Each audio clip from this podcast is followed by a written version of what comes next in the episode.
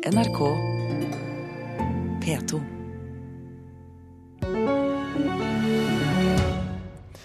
Og da har vi kommet til eh, dagens fredagspanel. Eh, norske eh, artist, eh, arkitekter skal vi begynne å snakke om, om litt. Vi må presentere panelet, selvsagt. Kristin Clemet, leder for tenketanken Civita. Kjersti Horn, teaterregissør. Og Jan Zahl, kommentator i Stavanger Aftenblad, fra vårt studio i Stavanger. Velkommen, alle sammen. Tusen takk. Takk. Er du eh, komfortabel der borte på Ullandhaug, Jan Salen? Særdeles komfortabel. Det er godt å høre. Vi skal altså snakke om norske arkitekter som denne uken fikk kritikk fordi de velger utenlandske materialer og råstoff der de kunne valgt norsk. Det var eh, arkitektene som må endre tankesett, mener arkitekturprofessor ved NTNU. Og spørsmålet vårt er enkelt. Bør de det, Kristin? Tja. Kjersti? Ja. Jan? Ja. Det var da en eh, skjønn bukett av enige mennesker her. Kristin, hva er årsaken, syns du? ja. Altså, jeg sa tja, for jeg, jeg kjenner ikke norske arkitekter så godt at jeg vet om de tenker så dårlig som han eh, påstår. Men eh, jeg er jo i og for seg enig i det at eh, man godt kan tenke seg om. Vi skal jo ikke velge norsk bare fordi, hvis det er dyrt og dårlig, eh, og velge det bare fordi det er norsk. Men hvis det fins gode norske alternativer, så syns jeg det kan være gode grunner til å velge det. Det gir jo næringsutvikling, og det kan jeg mener, Vi snakker jo ofte om Men tror du arkitektene sitter og tenker at det er et kulere med, med utenlandsk stein? Nei, det er derfor jeg sier tja. For jeg vet ikke om de tenker så dårlig som han sier. Men jeg syns vi kan si at de i hvert fall bør tenke over muligheten for å velge norsk. Ofte så snakker vi om eh, signalbygg som skal stå utrolig lenge, og som har kostet milliarder av skattekroner. Og det gir jo en viss stolthet hvis man greier å velge noe som er flott og norsk, da. Og det gir også eh, næringsutvikling, og så er det kortreist. Jan Zahl fra Trehusbyen Stavanger. Det er litt komplisert å komme etter Kristin Clemet, for hun sier jo alt eh, som er akkurat sånn. Det er omtrent. Um, men, men, eh, men nettopp det der med eh, det kortreiste elementet, og poenget er at hvis et praktbygg i Norge, eh, det bør på en måte bære preg av at det er et praktbygg i Norge. Det er jo ikke noe vits i å lage et praktbygg i Norge som kunne stått hvor som helst. Eh, og hvis en da har eh, materialer som er helt fine å bruke, så bør en jo bruke de. Og det er det kortreiste elementet, altså du trenger ikke frakte materiale over hele verden hvis de finnes i Norge, rent sånn klima. Men, men ofte så, så frakter de jo dem ikke fordi de ikke kan ta ut steinen i Norge, men fordi de må kutte den et sted som er billigere, f.eks. i Kina. Og da er kanskje litt av argumentet borte? Da må vi opprette en eh, veldig god og bærekraftig kuttenæring i Norge. Nye arbeidsplasser. Vi trenger det nå. Spesielt på Sør-Vestlandet. Kjersti? Jo, nei, jeg ble så glad da jeg hørte det om Nasjonalmuseet, at de skulle bygge det i norsk stein. Og det er jo på en måte litt kvalmt nesten at man skal frakte stein over hele verden når vi har så mye stein her. Men ta operaen, da, for eksempel, eh, som fikk veldig mye kritikk for det de brukte italiensk stein. Og det er jo ikke rart egentlig å bruke italiensk stein når vi snakker om en italiensk kunstform, sitt eget hus. Nei, men jeg vet ikke. Noen ganger så syns jeg det er litt harry når jeg ser på operaen med den hvite marmoren. Jeg vet ikke. Jeg, jeg tror at man blir mer stolt. Jeg tror eh, faktisk det. Ja, her. Over et sånt hus. Veldig mye om ting som spiller inn her. ikke sant? Altså, altså, som sagt, Vi kan jo ikke sitte her og så gjøre forvente at dyre og dårlige produkter som vi, hvor vi ikke er konkurransedyktige, skal velge det bare fordi det er norsk. Eh, verden er jo ikke så liten. Men, eh, men jeg tror heller ikke det er så enkelt som jeg sier. Jeg tror ofte at, eh, og Vi må også tenke på det at eh, det er klart hvis et norsk alternativ får muligheten, så gir det også nye utviklingsmuligheter. Det booster jo så å si kreativiteten og konkurransedyktigheten, og så kommer det nye alternativer. Jeg kan ikke mye om den kuttebransjen, men det er klart hvis det blir kjøpt veldig hvis det, blir kjøpt veldig, hvis det blir kjøpt veldig mye stein i Norge, så vil det sikkert også dukke opp flere kuttebedrifter. Jeg, jeg spør deg ikke flere ganger om å snakke etter Kristin Clemet, jeg, Jan Sahl, for det, det kan jo ta selvtilliten fra en eh, mann, det, altså.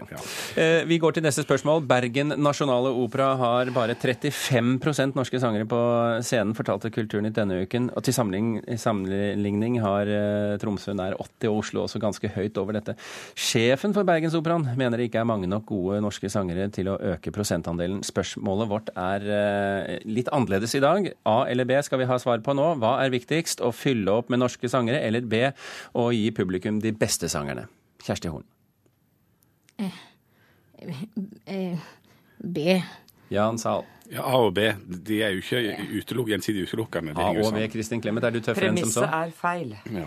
Det er ikke lov. A. Ja, Da vil jeg si de beste sangerne B. Ja. Jan Sahl, du skal få lov til å snakke først nå. Ja, dette blir litt sånn, det blir en litt, sånn, litt nasjonalromantisk eh, fredagspanel, dette her. Liksom Norge. Norsk stein og norske sangere.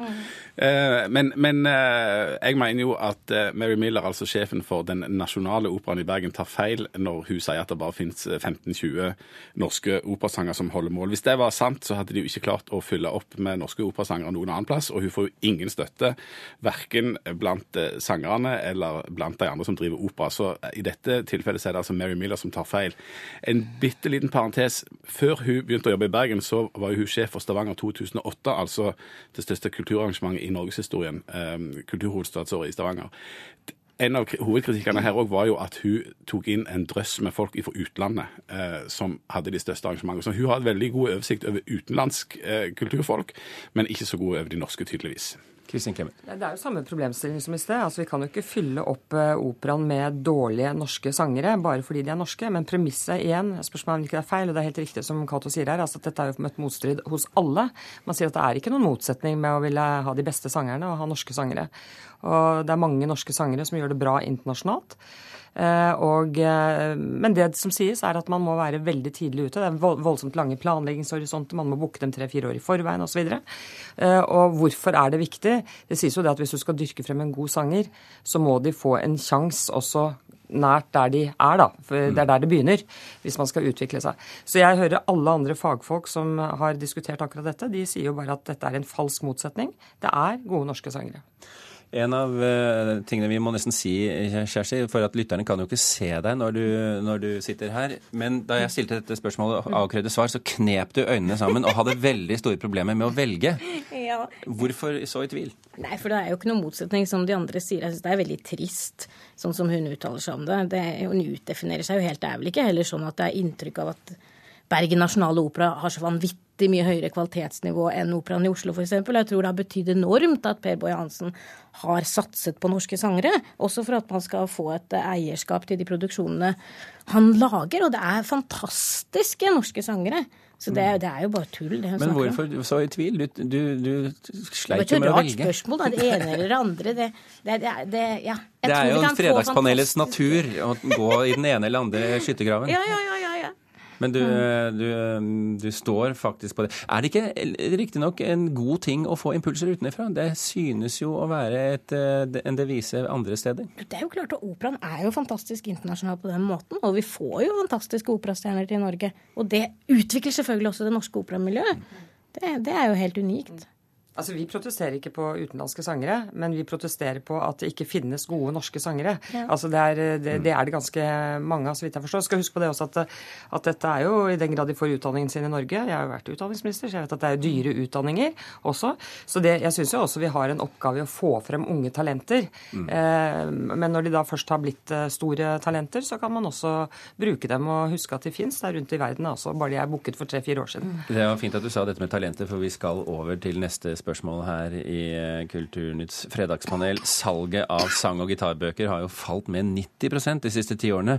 Og mye av grunnen til det er jo at folk finner tekster og akkorder og noter på internett og forskjellige apper på telefonen. Vær kritisk til læremesterne på internett hvis du skal lære å spille gitar, var, eh, var påstanden i denne uken her. Sånn mye av innholdet er nemlig direkte feil. Spørsmålet vårt er gjør ekspertene rett i å advare Jan? Ja. Ja. Ja. Ja, nei, nei, nei, hva er dette for noe slags Beklager dette, Hans. Har dere snakket Dårlig kvalitet, altså det bør, bør man jo alltid gjøre. Altså, det, uansett hva det er, så er det kjempefint. At noen sier 'pass på når du i butikken kjøper sånn og sånn', ja. så er det ikke sikkert kvaliteten er så veldig god. Men det er jo fantastisk at man Altså, jeg har en sønn som plutselig spiller et stykke på piano, så jeg, hvor har du lært det? På internett. Mm. Det er jo ganske fremmed for folk i min generasjon. Men jeg hørte på NRK forleden noen som spilte en eller annen låt hvor alle, altså alle med sånn minimum av gehør kunne høre at det var bånn falskt. Mm. Og jeg spør meg selv, hvis du skal lære å bli en god gitarist, så må du være litt sånn evne til å høre når det er falskt også, da. Men her er det et rom for forbedrede produkter, tror jeg. Kjersti?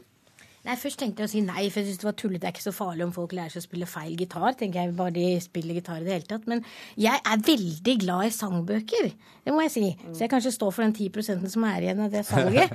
eh, og, og det, er, det, er, jo kulturskatter. Jeg elsker å sette meg med en sånn tjukk sangbok og så synge fra perm til perm. Og det er virkelig kulturarv. Og det er så gøy å lære barna sine alle sånne norske revyviser og Torbjørn Egner og Alf Prøysen og alt. Og det finner man ikke på internett. Det kan man ikke gjøre. og det er kan forsvinne. Jeg har vært med og laget den perfekte sangboken, jeg, som er sånn som alle vil synge på fest. Og så vi, får vi alle sangbok, og så synger vi. ikke sant? Det er bare de kuleste sangene, da.